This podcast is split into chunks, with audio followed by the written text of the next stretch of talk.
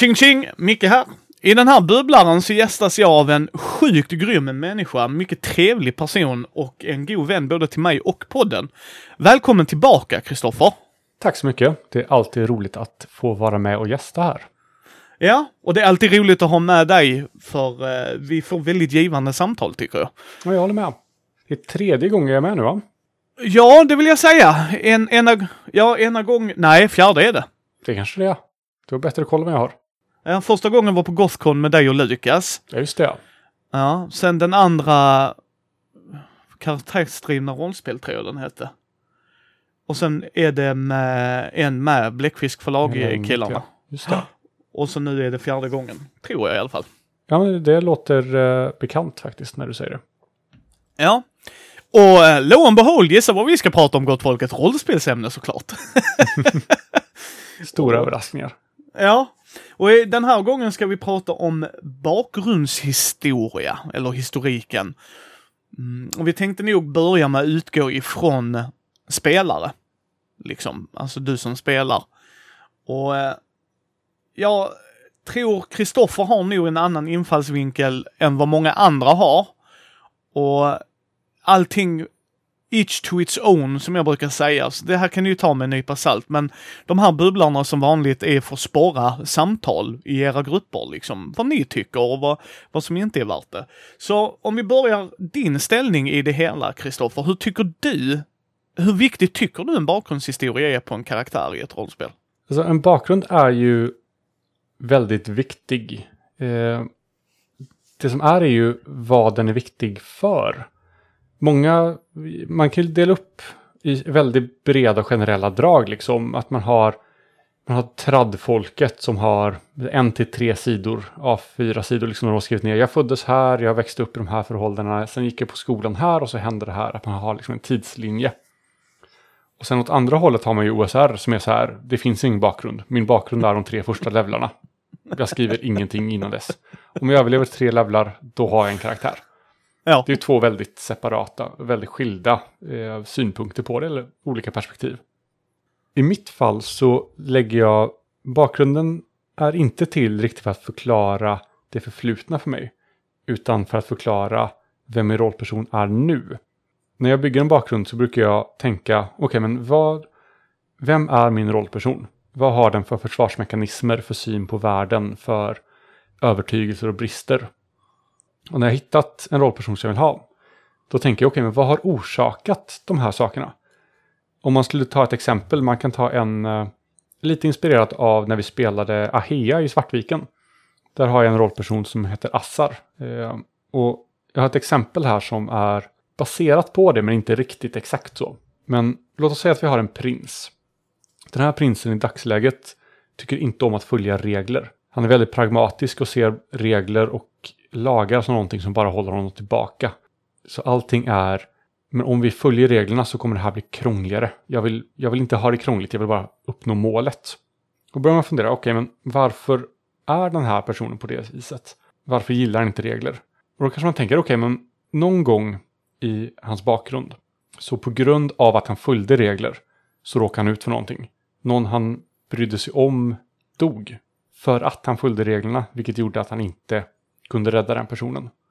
Vilket skapar en trauma hos honom. Han börjar nu skylla, han skyller på sig själv för att om jag bara inte hade följt reglerna så hade det här aldrig hänt. Det är mitt fel att det här hände. Så man tar liksom en, en eller två omvälvande händelser i bakgrunden som förklarar varför rollpersonen är som den är idag. Och på den nivån ligger mina bakgrunder. Det är oftast inte mycket mer än så. Ja. Det är ju väldigt intressant ja. För jag, jag, jag är alltid fascinerad över, för att jag, har- jag har haft spelare som bara skriver två meningar. Eh, jag föddes i Stockholm, jag hatar göteborgare. Han bara, okej. Det var ju givande. Eh, eh, liksom. Sen har jag haft som du säger så här, nu, nu ska jag ge dig en novell. Så bara Mm. okej, tack. Eh, jättekul att du engagerar dig. Jag kan inte läsa detta, det går inte. Inte för att du skriver dåligt, du kan säkert göra en väldigt spännande novell. Det funkar inte för mig. Och jag tror, och sen så finns det folk däremellan ju. Men jag, jag har också börjat på senare tid argumentera varför. Förstår du lite hur jag tänker? Mm, nej, du får gärna utveckla. Varför? Om vi, och, beroende på spel, värld, allt sånt, oftast spelvärlden, jag, jag bryr mig aldrig om regler. Men speltekniskt världen, så här, okej, okay, du är superhjälte. Varför? Ah, ja, mm. Okej, okay. ja, jag är superhjälte. Varför? Ja, men jag vill ha en förändring. Varför? Varför vill jag ha en förändring? Vad har hänt i mitt liv som gör att jag ser en förändring? Mm. Varför händer det? Okej, okay, nu, nu, nu, vet jag varför jag gör det. Ja. Nu, nu är jag en, eh, vi kör på hjältetemat här i min, min eh, version här så att säga. Mm. Okej, okay, jag, eh, jag kan bli sten. Jättetråkig kraft, men jag vill, jag vill det. Varför? Alltså vad är det som gör att du blir sten? Vad har hänt i ditt, vad är din ursprungshistoria? Mm. Vad är din liksom, dina föräldrar i Crime Alley som har dött liksom? Vad, vad är det som driver dig där då? Ja, det var ett experiment, okej, okay? vilka har utfört det? Och där kan jag, vill jag inte svara på det, för det kan jag ju välja att inte vilja svara på. Då kan jag gå till min spelledare. Här är, jag, jag har kommit så här långt och jag, jag vill inte veta vad som har hänt. Vill du hjälpa till? Och oftast har spelledare jag har spelat med varit väldigt tacksamma. Att, ja men okej, då kan jag väva in dig i historien här.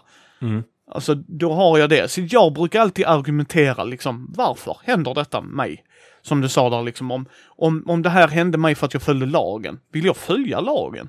Är det vad jag vill göra? Ja, precis. Kan jag, eftersom senast jag följde lagen så hände någonting hemskt och det var mitt fel. Mm. Kan jag följa lagen om jag tror att det kommer hända igen? Precis. Sen är jag väldigt noga med att inte göra felfria karaktärer. Mm. För det är ett tråkigt spel för mig. Uh, rent allmänt. Jag behöver inte alltid fail forward eller play to lose och alla de grejerna. Det, det spelar mig ingen roll. Det är beroende på vilket humör jag är och hur jag gör min karaktär. Men jag vill inte göra perfekta karaktärer. Ett, det går inte speltekniskt oftast. Så bara, jag är världens bästa ranger! Du är level 1. Du är inte världens bästa ranger. Jag vill inte kissa på din parad och säga att det regnar, men. Nej, men jag är likadan. Jag brukar ju bygga hela mitt karaktärskoncept runt en svaghet. Den här personen, ja, om vi fortsätter med prinsen då, liksom, den här personen är, det är en nackdel, en svaghet, för han kan inte, han känner sig trängd så fort han måste följa regler, så det är nästan ett så här, Eh, om någon säger till honom att så här funkar det så blir han, nej men det tänker inte jag göra. Jag tänker lösa det här på andra sätt. Eh, och det målet då är att han måste lära sig att hitta en balans i det här. När är det värt att följa regler? När kan man försöka böja på dem för att det blir bättre? Ja. Det, det är väldigt så här, för, för jag tycker det är jätte, jättebra poäng Kristoffer. För att jag, jag tror många kanske så här, jag är bäst för att därför är jag bäst och sen har jag ingen familj för att då, då är det inga storyhooks. Så bara okej, okay du, jag har inga problem att man spelar så här, jag har ingen i min närhet och sen bygga vidare på det återigen. Varför? Nej men för att mm. de dog. Så att nu, nu vill, litar inte jag på någon. Jag vill inte bjuda in någon i mitt liv för att jag är rädd att de ska förloras. Nu har vi helt plötsligt en bakgrund som jag diggar. Då är mm. det inte den klassiska, orkar döda min familj så nu ska jag döda alla orker. Nej men precis. Och det viktiga där är då att man, även fast rollpersonen inte vill bjuda in folk i sitt liv, så är målet som spelare att eh, rollpersonen ska bli en i gänget. Ja, jag tycker det också, för att det blir ju en intressant dynamik. Och jag har haft sådana speltillfällen där de är en av de bästa, liksom att, nej men fan. Han, han valde att vända och sprang tillbaka och räddade oss. Mm. Att det var liksom, vad håller jag på med? De har ju räddat mig så många gånger, sluta vara egoistisk, spring tillbaks. Att det har blivit liksom en story arc. Och jag tycker det är, jag skulle yrka på att försöker man lirka i karaktären. Och sen skulle jag vilja säga så här också, man behöver inte göra allt detta innan spel man kan göra mycket innan spel som Kristoffer sa där, alltså fundera ut en svaghet och bygga runt det. Men alla detaljer behöver inte vara där första sittningen. Vissa grejer kan faktiskt komma naturligt i dels gruppkonstellationen, men också, nu har jag funderat lite, jag har fått känna på karaktären. Mm. Jag tänker så här. För jag tror många kanske tänker, ja men bakgrunden måste innan spel, alltså innan vi börjar spela. Och jag, jag tror du måste ha en del av bakgrunden, det ska jag inte säga åt folk. En del måste vara där. Det, det, kan jag säga. Men hur stor del, det är också beroende på spelare, alltså gruppdynamik och sådana grejer skulle jag säga och hur, hur ni spelar som grupp. Men jag har också märkt det att när man lämnar upp det till spelarna, liksom att de kommer, ja men jag har inte funderat ut något, men vad har du funderat ut? Det här, ja men då kör vi på det. Mm. Och sen när du kommer på grejer allt eftersom så, bara säg till så adderar vi det. Vi liksom tar inte bort grejer, vi, eller det kan vi också göra, men vi lägger till saker liksom. Mm. Ja, verkligen. Nu, vi ska börja spela lite eh, Svärdets sång nu, eller Forbidden Lands, med en grupp. Uh, som inte kommer poddas, så ingen kommer kunna ta del av det här. Uh, men där spelar jag en, en dvärg. Och jag tänkte att jag vill spela en rätt stereotypisk dvärg. Han är bäst på att slåss, jag har maxat liksom slåss-statsen. Han är eh, väldigt så här aktiv, han vill alltid in och slåss. Och då är det, okej, okay, men varför? Varför ska han alltid slåss? Och då börjar jag tänka att, men bakgrunden är att han, han känner sig maktlös. Han har förlorat allting. Sin familj, sitt hem, rubbet till byråkratiska processer som inte han förstår. Och han känner att jag har ingen kontroll på mitt liv, förutom när jag slåss. Så anledningen att han hela tiden är så här, så fort han stöter på ett problem där han känner att jag kan inte kontrollera det här, jag har ingen makt över den här situationen, då blir han våldsam. Mm. Och bakgrunden är då för att han har förlorat allting. Och han har liksom ingen makt i någon situation förutom i våldsamma situationer, tror han. Ja, ja men precis, precis, tror han. Och, eh, för då, liksom vad de här byråkratiska processerna är, när det hände, vilka familjer, jag vet ingenting om det. Det enda jag vet är att han förlorade sitt hem på grund av byråkratiska processer. Resten kan antingen visa sig i spel eller så hålls det liksom luddigt. Men det knyter också in till en annan väldigt viktig del i bakgrunden. Att bakgrunden ska alltid peka framåt. Genom att det här hände förr i tiden så är han så här nu. Vilket betyder att han kommer behöva lära sig att hantera det här i framtiden. Så målet med den karaktären för mig i kampanjen är att han ska lära sig inse att han, det finns andra sätt. Han behöver inte alltid ta till våld. Och det framtidsmålet baseras ju helt och hållet i hans bakgrund. Mm. Så bakgrunden påverkar, beskriver bakgrunden, beskriver personligheten här och nu med svagheter, eh, världssyn och allt sånt där, försvarsmekanismer. Och eh, målet för mig som spelare med rollpersonen. Allting det knyter in i bakgrunden liksom. Ja, jag, jag tycker det är väldigt, väldigt bra poäng, Kristoffer. Det är som sagt folk, därför jag gillar att ha med Kristoffer. För man kan, och nu, nu ska vi, kanske man säger, fan vad elitistiska ni är. Ja, det kanske vi är. Men, men jag, jag ska också säga, vi har spelat länge, jag och Kristoffer. Eh, kanske än många andra. Och vissa har spelat längre än oss också, utan tvivel. Det är klart det är. Och för mig handlar det om att hitta ett sätt att spela. Jag är sjuk i huvudet för jag älskar att experimentera. Jag gör verkligen det. Jag, jag kör inte alltid samma karaktärstyp längre. Jag gjorde det i början, men sen insåg jag men det här är ju inte kul. Jag vill ut, utmana mig själv. Vissa gånger har det fallit platt och jag har gått till spelledaren. Du, jag vill göra om min karaktär. Det här funkar inte. Det här är inte kul för mig längre. Jag, jag gjorde en grej som var crazy banana ape shit. Andra gånger så har vi gjort liksom, alltså helt eh, börjat experimentera och jag har gjort så mer och mer så att jag, jag är med på Kristoffers tåg i sättet vi kanske väljer att spela på. Jag och Kristoffer mm. ska ju sägas också. Det ska sägas det att det här är ju, sättet jag gör bakgrunder är ju vad jag behöver för att det funkar liksom. Det är ju inte det rätta sättet att göra bakgrunder. Nej. Eh, oavsett hur, alltså gör det som du behöver för att det ska funka. Det här är ett sätt. Eh, andra sätt funkar inte för mig. Det här sättet kommer inte funka för alla. Så det är ju så här. Det ska man vara medveten om. Ja, och jag, och jag tror precis för att jag tror vi måste gå bort ifrån stigmat rätt och fel. Nu är inte jag och Kristoffer där överhuvudtaget, för jag tycker vi är vuxna i rummet. Att skulle vi träffa någon som tycker tvärtom än oss så kommer ju inte vi stå och skälla på dem och säga att du gör fel. Utan vi vill ju ha ett givande samtal med individen och säga, ja vad intressant, jag tycker inte så. För att det är inte det jag behöver. Och jag tror vi behöver ha de samtalen mer och mer i grupper framförallt för att helt ärligt, jag tror Kristoffer hade kunnat göra en med tre meningar och var lika investerad med en som gör tre A4. Men för han så behöver han bara tre meningar och den andra behöver tre A4. Ja, men precis. Att, liksom. Inför det här, eh, det här gästandet så jag slängde ut en fråga till lite kompisar här var så här, vad, vad tycker du en bakgrund är, en bra bakgrund är? Och fick massor av olika svar. Eh, ett intressant var att så här, mycket av karaktären ligger i detaljerna. Så genom att göra en detaljerad bakgrund med mycket egenheter och så här små saker som kanske aldrig kommer i spel så lärde han sig förstå karaktären på ett sätt som men om jag förstår hur den var då så kan jag förstå hur den är nu.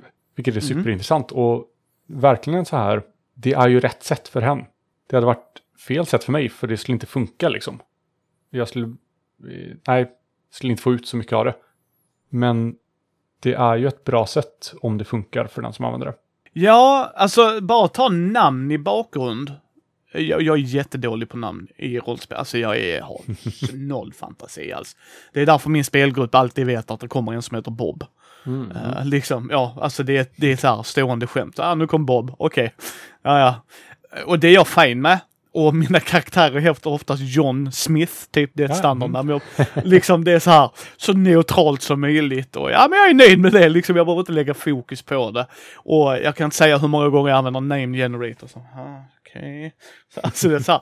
Men, men där till exempel, där faller jag. Medan jag har en polare som bara, åh, 30 minuter på att researcha namn.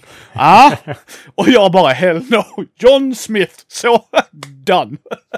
Ja, jag brukar ta basketspel, oh, eh, så här, halvt okända amerikanska basketspelare brukar jag ta. Eftersom jag följer NBA så har jag rätt bra koll på många namn. Men ingen annan som jag känner kollar på det. Så då kan jag bara ta, så här, ta ett namn därifrån. Och så om jag spelar då en amerikansk eh, eh, rollperson. Eh, I alla fall. Eller ja, det finns ju såklart en hel del andra namn också. Men det har varit mest när det har varit amerikanska rollpersoner det har varit relevant. Ja. Nej, så att jag, jag, tror, jag tror det viktigaste för er själva, kära lyssnare, är att hitta ert groove. Och mitt tips är att experimentera. Verkligen experimentera. Och sen inte vara rädd att har man hittat ett mönster som fungerar, att hålla sig till det mönstret. Alltså absolut kan man lägga till och ta bort fortfarande. Det ska jag aldrig säga, liksom har du en idé, kör på det. Men, men liksom, jag, tror jag tror folk är lite rädda, har jag upplevt det med mina spelare. Nej men jag kör ju alltid samma stuk. Ja men funkar det för dig egentligen? Så va, vem ska jag komma in och säga nej till dig? Det, det har jag aldrig förstått. Ja men du gör ju inte så. Nej, för att jag är Mikael Fryksäter och har min egen erfarenhet och min, min egen bakgrund och min egen liksom li- livs, livs, livsstil och mitt eget sätt här i livet. Jag menar, så, så är det va. Och, och så kommer det ju alltid att vara. Och även om jag försöker öppna mina vyer och lära mig mer för att jag är som sagt en nyfiken jävel. Så menas ju inte det att jag eh, kommer klandra någon som skriver 6 A4. Jag kan ju bara säga som spelledare kommer jag inte läsa det. Jag har inte tid. Eh, utan jag, jag kommer skum, uh, förlåt, jag kommer läsa det men det kommer ju vara en skumläsning. Känner ni, Det, det, det. Och så den biten vill jag ha där. Så den biten Mm. lät jättebra. Ehm, men sen har jag haft spelare som skriver, det här är mitt grundkoncept och sen börjar jag fråga. Nu är jag där igen, argumenterar bara varför? Och, och en, en gång så var det en spelare som blev arg på mig. Eh, men det redde vi ut för spelaren trodde att jag, hen trodde att jag kritiserade hen. Men det Ja, var det inte. Frågasatte liksom. Ja. Eh, men så fort hen förstod det och genom mina andra spelare så, aha, det är så Micke gör. Mm. Okej, då var det inga problem liksom. Och, och jag sa, har inte hen svar så gör det inget. Det gör inget. Mm. Utan jag är ju bara en sån, och så, så är jag ju, som hen förstod sen när hen lärde känna mig, så är jag ju i verkliga livet. Jag hatar barn. Jaha, varför? Ja, men, nej, men det, det, det är rätt bold statement att hata barn och jag ska inte kritisera dig för att du hatar barn utan jag är genuint nyfiken på, jaha okej why? Liksom Ja, jag hatar precis. blått. Ja okej, då hatar vi blått då helt plötsligt. Men varför? Du, och, och vissa gånger så har de liksom fått insikt. Vad, vad fan, varför hatar jag? Och så kommer det ju oftast till trauma tyvärr och det, det är ju så va. Men, men, och det är därför jag säger liksom så att jag har ju hjälpt spelare på det sättet också och, och de själva har kommit och tackat mig. Fan, fan du, bra att du ifrågasatte. Så bara, jag ifrågasatte inte, jag var bara genuint nyfiken. Du, du gav mig bara en, en halv berättelse. Det är ungefär som jag skulle säga till Kristoffer här. Eh, Batman slogs mot Jokern. Det var filmen. Och då var jag, ja, jaha, hände något mer spännande då? så, ja. Och så börjar jag liksom, du vet så här. Ja, Då kommer vi igång. Så. Mm. Ja. Och, och, det- och det kan vara helt fine. Alltså så. Och, och jag gör gärna det med spelgruppen. Jag är ju en firm believer av att man inte ska sitta på sin egen kammare och göra egen karaktär. Att skriva Mm. bakgrund hemma, det kan man absolut göra för det, det tar sin tid och sådana grejer. Det är inte det jag pratar om. Utan när ni sätter er inför sittning noll, ja, kommunikation A och O. Att prata där, för där kan man också ställa frågor. Mm. Ja, Session Zero är ju kanske det viktigaste spelmötet ofta. När man Ja. kan börja prata om, så, men så här har jag tänkt och så här tycker jag att, har jag, okej men du tänkte så, men då kanske jag ändrar så att min rollperson kan spela mot det. Om du är på det här sättet så kanske jag ska vara lite på det här sättet så vi kan clasha lite där utan att så. Ja. Jag, jag har en anekdot här där det inte gick så bra i en spelgrupp. Eh, det var jag och min kusin. Eh, och vi, vi har liksom, vi, vi bägge var assholes. Alltså vi bägge gjorde fel där. Och det har han sagt också, liksom att vi, vi var unga och dumma. Alltså det, var- det var ingenting annat. Idag hade jag inte gjort så. Vi spelade Vampire, Masquerade. Och jag spelade en vampyr som hatade människor. För grejen var första, först, första äventyret med den gruppen klarade vi och de som hade överlevt och det fick mer XP. Vilket jag inte hade gjort idag heller. Det kan jag säga. Men det var spelledaren som ville så, så fine. Så vi var lite äldre än min kusins vampyr. Han kom ny in i den kampanjen så att säga. Och vi... Så säger han till mig, spelledaren, läs det här kapitlet Micke. För nu är du en äldre vampyr. Så jag läste kapitlet. Det var några sidor liksom. Det var jävligt givande kapitel måste jag säga. Så det var en sån grej jag har tagit med mig av, av honom liksom. Han var en bra spelledare överlag. Och då, sa, då stod det liksom att du som vampyr kan bara se människor som föda. Alltså du, du kan välja att gå den vägen. Så jag, så jag valde att gå den vägen. Mm. Misstag två var att jag gjorde en väldigt rasistisk japan som var i USA, vilket var helt så här, det, det skulle jag inte gjort idag heller. Eller jo, det skulle jag nog gjort, men med en annan twist om du förstår vad jag Mm. menar, Ja, men Kristoffer. verkligen. Ja, det, det, det kan bli en intressant konflikt. Men det var ju inte så jag tänkte då, om vi säger. Så, så han såg bara människor som föda, för de var de ingenting. Och sen så hade han gjort, he, hemmasnickrat en assassinklan till mig. Så jag var en assassin. Det var liksom, det är också så här, jag är en lone killer i en grupp med fyra. Why? Men Okej. Skitsamma. Det var många, många fel som ledde upp till det. Men, men grejen var det, och sen kommer min kusin, och vi gjorde inte de här tillsammans, utan vi gjorde dem med spelledaren. Mm. Och så kommer han, "Nej, jag älskar människor och vill skydda dem. Mm. Det funkar ju inte och jag kommer ihåg exakt ögonblicket där det klatschade. Det var liksom, vi ska in på ett sjukhus. Någonting händer där inne, vi måste in. Och så tänkte jag, men om, om, om vi tar med någon som är skadad så kommer vi in ju. Alltså då ifrågasätter de ju inte det. Så jag går fram till en uteliggare och så ska skada honom. För jag har ju ingen krig, alltså det säger jag bryr mig inte. Då ska han gå emellan och skydda. Problemet var ju bara det att han körde ju inte en stridskaraktär. Mm. Och jag kommer ihåg liksom hur jag symboliskt drar ut min katana och sen så bara dödar individen framför, du vet såhär, to make a point och sen gick det bara utför. Så det slutade med att jag dödade hans farbror. Såhär öppet mord i en kyrka, alltså du vet såhär, det var, du vet såhär, det var ingen deeskalering någonstans. Och sen slutade det med att hans karaktär dog. För att han hoppade på mig en sista gång och jag bara fuck it, jag dödade honom. Så att, och, och vi blev ovänner. Alltså genuint ovänner. Och vi har pratat om det efteråt och vi kan garva åt det efteråt. För vi bägge har insett, vet så här, han gjorde ju också fel, alltså förstår du liksom, det var ingen som, nej, min karaktär ska älska människor, nej, och min karaktär ska hata dem. Och då blev, alltså det, sorry folk, det, det är roligt nu, det var inte roligt då. Det, det blev väldigt toxic. Mm. Och där kan man ju lyssna på, inte när jag, var, när jag gästade Mindy andra gången blir det då. Ja, För där pratar vi just då här om att eskalera och deeskalera konflikter. ja. Eh, Och det, du hade behövt lyssna på det avsnittet innan det här. Yes. Nej men liksom, och det, det är det jag säger, det är en erfarenhet. Mm. Och det är därför jag kan liksom säga till folk, jag drar den här anekdoten och förstår folk. Nu förstår jag varför du prompt vill att vi ska sitta i samma rum. Ja, ni får gärna ha en grundidé. Och, och jag menar, jag tror Kristoffer och jag hade kunnat göra den här, samma idé, fast tio gånger bättre idag. Mm. Den Även utvecklas liksom, ju hela tiden. Precis, men även att vi har respekten för varandra på ett helt annat sätt än vad man kanske hade när man var ung och dum. Utan nu kör jag mitt race. Utan, ah, men okej, du vill skydda människor, Kristoffer. Vad intressant. Vill jag det? Kommer det skapa... Nu, nu hade jag kanske inte så här aktivt dödat folk framför dig. men, men du vet så här aktivt bara, jag räddar inte honom. Ja men du, det måste du, alltså du vet så här, fått en så här, nej men jag bryr mig inte, vad fan ska jag riskera mitt liv för en random dude? Så Ja, precis. Och det viktiga där är att inse att det min rollperson tycker, det betyder, behöver inte jag som spelare hålla med om. Nej, Så om min rollperson eh, hatar människor och jag som, så kan jag som spelare ha som mål att men, eh, min rollperson ska lära sig tycka om människor. Så Ja. när han gör saker som är hatiska mot människor, typ dödar random folk, så är det mitt uppdrag som spelare att se till att rollpersonen straffas för det. yes. Och då kan man liksom börja vrida. det värsta är ju när man har, när man är, har en rollperson som är så här, jag hatar människor. Och spelaren ser till att, att bara ge efter för det. För då får man det här, då har man två spelare med motsatta viljor som bara ger efter och tar sin rollpersons eh, sida hela tiden.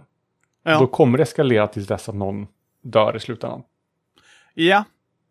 Eh, och inte en sån heroic death, utan där jag, jag slår ihjäl dig i en mörk gränd-död. Och det är Mm. liksom inte... Det kan ju vara kul det också för i och för sig, men problemet är ju oftast att människor överlag, jag säger inte ni lyssnare eller Kristoffer, men människor överlag har ju aggressioner med sig till nästa spelsektion eller nya karaktären. Man Mm. tänker inte clean slate, tyvärr. Hade man gjort det så hade det liksom varit en annan grej. Men jag tänkte vi skulle blöda in lite på, för jag älskar att spela skurkar. Mm. Det är en av eh, fördelarna för mig som spelledare kan jag säga. Jag älskar att spela skurkar. Ett, skurkar behöver inte vara sin, ska man väl säga. De behöver inte vara lugna och metodiska. De kan vara det också för den delen. Men, men jag känner, när jag gör en skurk, jag gör faktiskt bakgrunder till dem. Vissa har mer detalj än andra, för det beror på lite hur, och den utvecklas allt eftersom också. Och jag använder samma, jag argumenterar med mina karaktärer. Nu ska jag spränga Stockholm. Varför? Varför hatar du Stockholm? Why Stockholm liksom? Varför inte liksom London? Om du ska bara, nej, Stockholm, jag hatar Stockholm. Okej, du hatar Stockholm. Ja, och varför ska du göra det? Mm, jag ska spränga det. Varför spränga det? Om det är Stockholm du vill döda, varför inte typ Corona? För det uppenbarligen funkar på människor.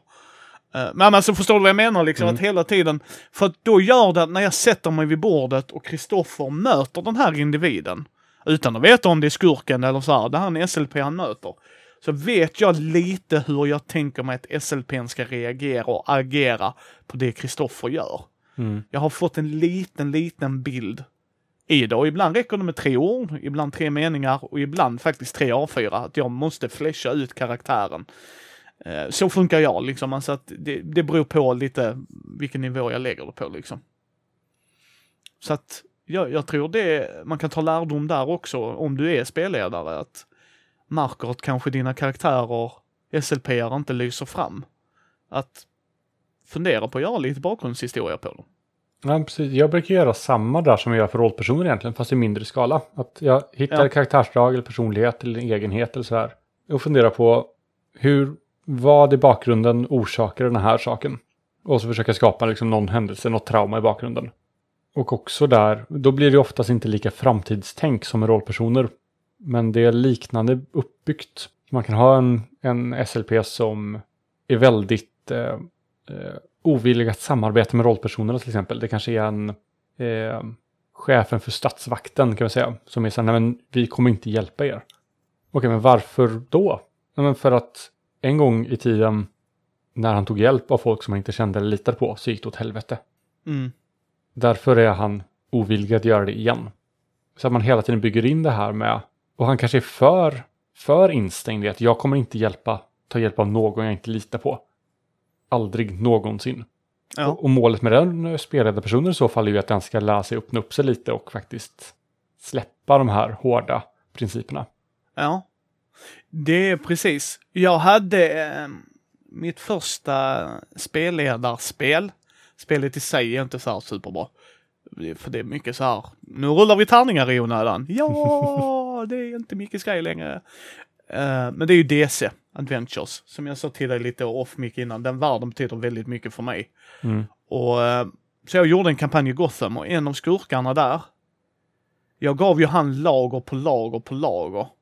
Vilket gjorde att när de dels träffade på honom, så mötte de honom i olika situationer där han agerade olika. Till exempel, eh, han drev bordeller, för det var det man gjorde i Gotham. Mm. Men han tog hand om alla som jobbade för honom. De fick skälig lön för det de gjorde. Det var han tog hand om alla. Verkligen alla. Hade inga barn i linjen, du vet så här. Alltså han var verkligen strikt med att ingen ska komma till skada och så. Och då blev han så här, men han kan ju brutalt slå ihjäl någon. Mm. Ja.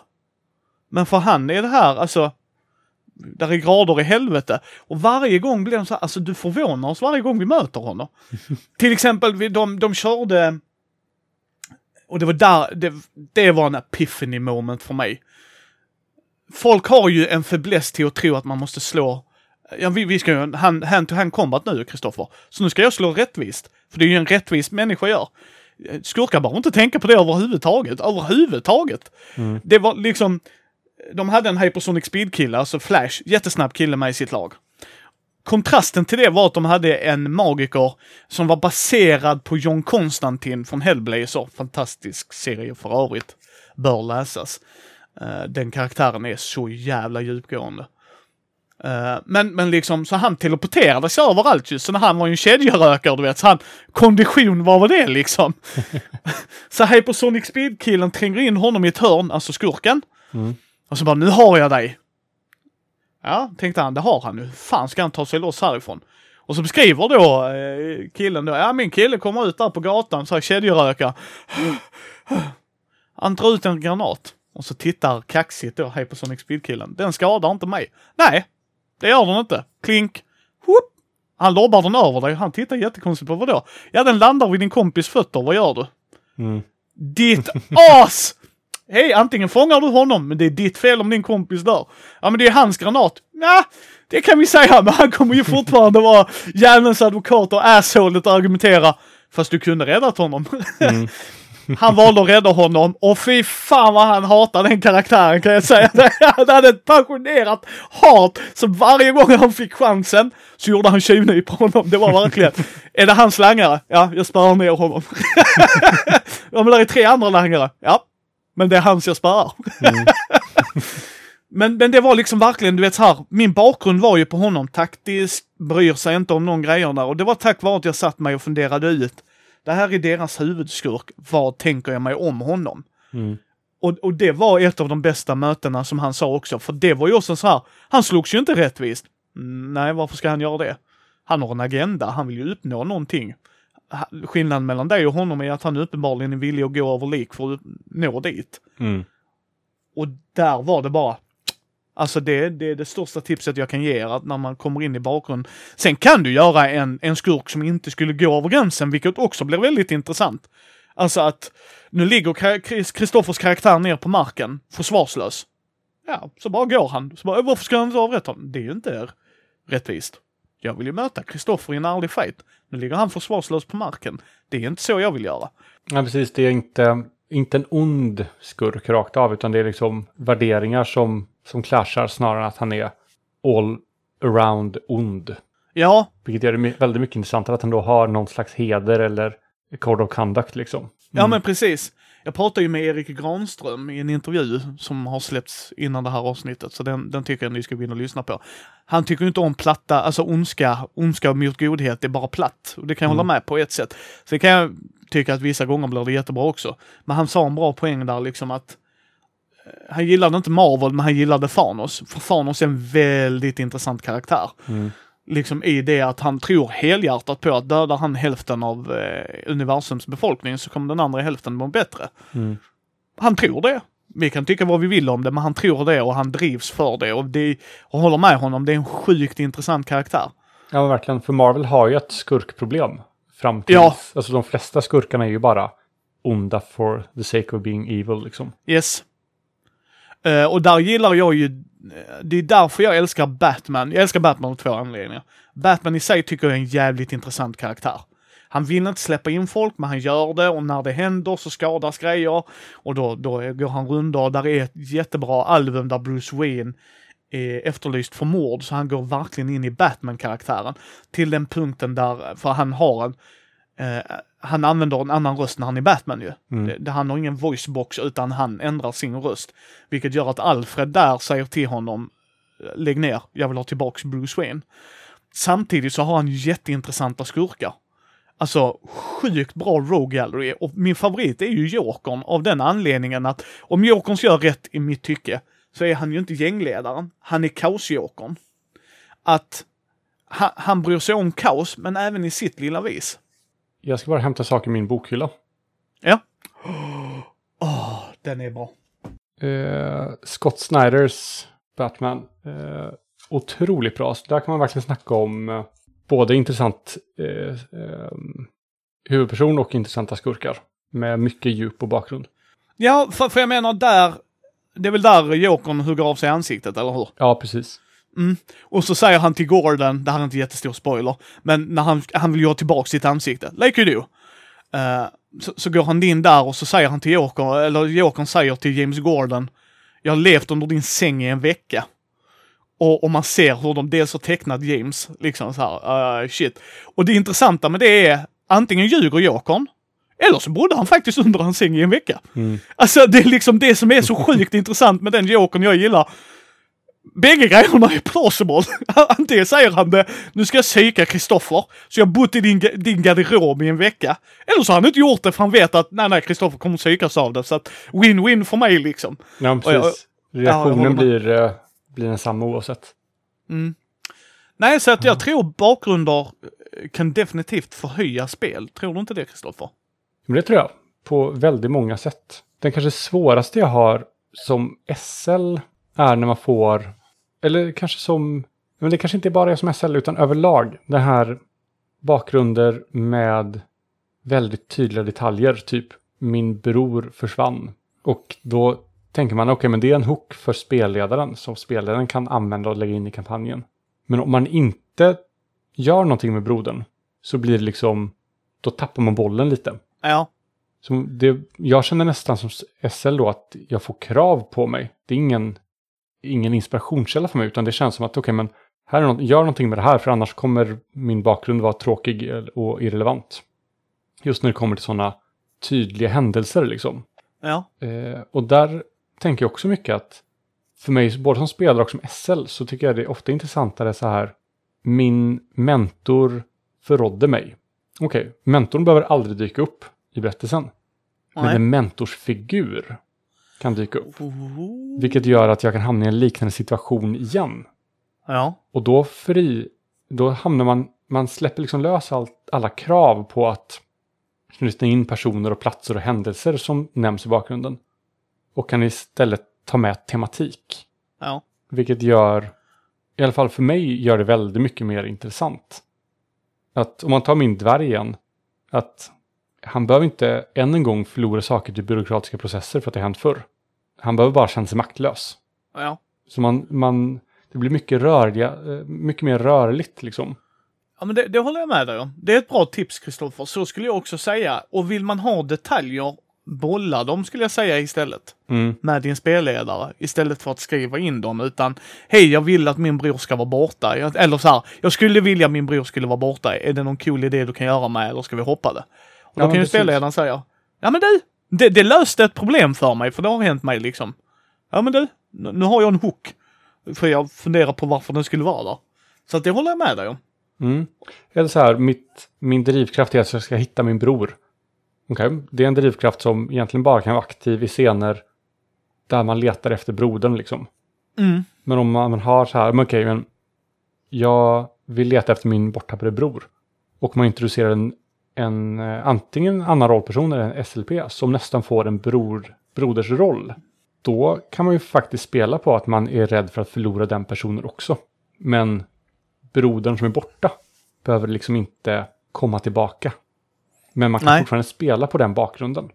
Men har du någonsin återanvänt en bakgrund, Kristoffer? Alltså jag återanvänder ju mycket tematik. Jag Ja. spelar nästan alltid outsiders på ett eller annat sätt. Och det är ofta folk som inte, som är rädda för att släppa in folk nära inpå. Men orsaken till det är ofta olika. Ja. Så även om temat och eh, och de generella dragen är liknande så är ju orsaken till dem olika och eftersom rollpersoner har olika personlighet och världsbild och så så manifesteras de olika också. Så nej skulle jag tro. För min del. Nej, jag, jag, jag tror jag är samma som dig där. Jag kanske har gjort det någon gång utan att man vet om det så sett. Men jag, när jag spelleder, eller förlåt, när jag spelar. Jag spelar oftast ledaren, har jag märkt. Eh, jag, jag, eh, och så tänker folk, jaha, då använder du ledaregenskaper. Fuck no! Aldrig hela mitt jävla... Någon gång har jag gjort det, för jag vill verkligen se vad systemet gjorde för mig om jag vill aktivt spela ledare. Det har jag, det har jag absolut experimenterat. Spoiler alert, det är inte kul. Oftast. Alltså för de så här, de får plus ett, eventuellt kanske. Yay! nej, då gör jag egen karaktär och sen så bara spelar jag ledaren. Mm. Det kan jag väl säga, men sen som Kristoffer säger, sen kan jag vara liksom knarkarledaren eller, alltså du vet så här, helt bananas apeshit crazy detaljer. Men, men jag tar oftast ledarrollen. Det är oftast jag som vill pusha storyn vidare. Det är jag som vill eh, ha progression i, i mina äventyr och det, alltså jag, jag, det värsta jag vet är att sitta still och inte göra något. Så bara liksom, Och ledarroller kan också vara så himla intressant utifrån alltså dynamiken i gruppen.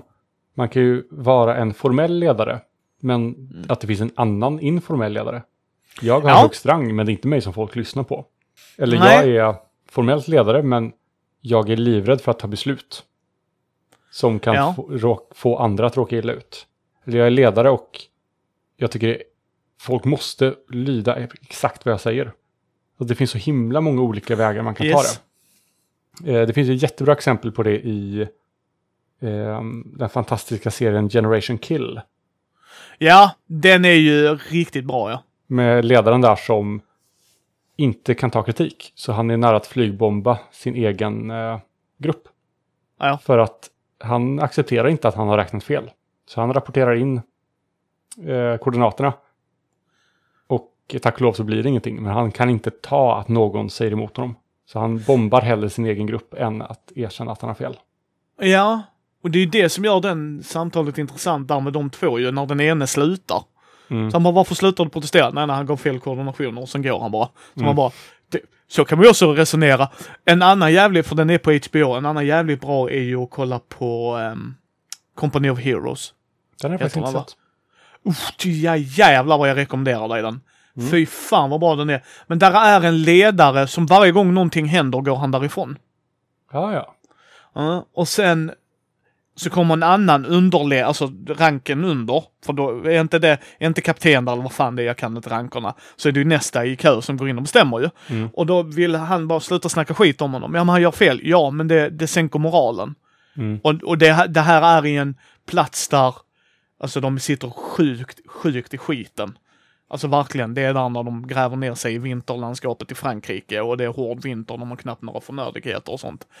Eh, och den ledaren bara väljer att gå och då kommer den andra inofficiella, le- eller semi-officiella ledaren kan man väl säga då med tanke på hur ranksystemet fungerar. Mm. Och försöker lösa det, liksom att se en lösning i det.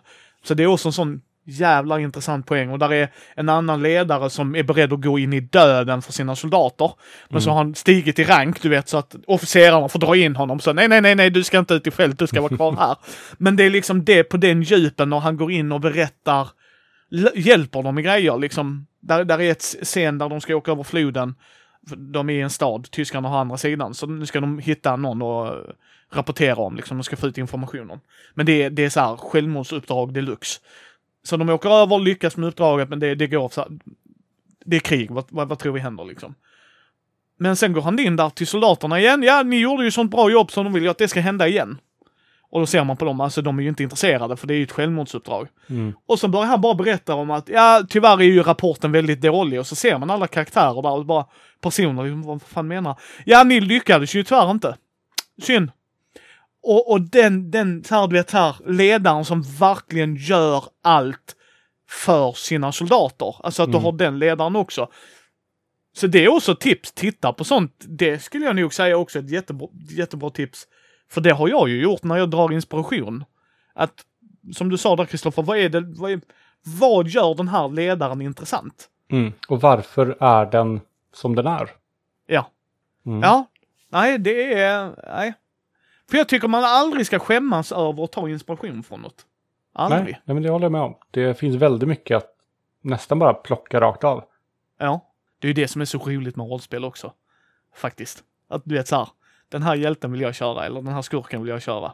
Mm. Hur, hur, hur får jag min twist på det? Ja, den här plotten var intressant. Jag gör min Ja. grej av den. Yes. Nej. Jag tänkte vi kanske skulle börja avrunda. Ja, men det är väl Ja. dags. Ja. Eh, ni hittar ju Kristoffer på Bläckfisk förlag också, men inte nog med det. Han är en av Sveriges bästa poddar, uh, säger jag är helt, helt liksom icke subjektivt. Eh, I Svartviken rollspelspodd och där kan man faktiskt höra, ibland har ni en sittning noll, eh, ibland får man ju höra dig när du spelleder, då kan man ju se de grejerna smussla in. Um, så man kanske får en liten inblick här. Så att, tack så hemskt mycket Kristoffer att du var med. Tack för att jag fick komma. Eh, tack för att ni har lyssnat på Mindys bräd och rollspelspodd. Ni hittar oss på mindy.nu eller på Mindys bräd och rollspelspodd på Facebook, Twitter, Instagram, YouTube. Vill ni stötta oss, ta en titt på vår Patreon. Ge oss gärna ett betyg på iTunes eller på vår Facebook-sida så fler kan hitta oss, så hörs vi nästa gång.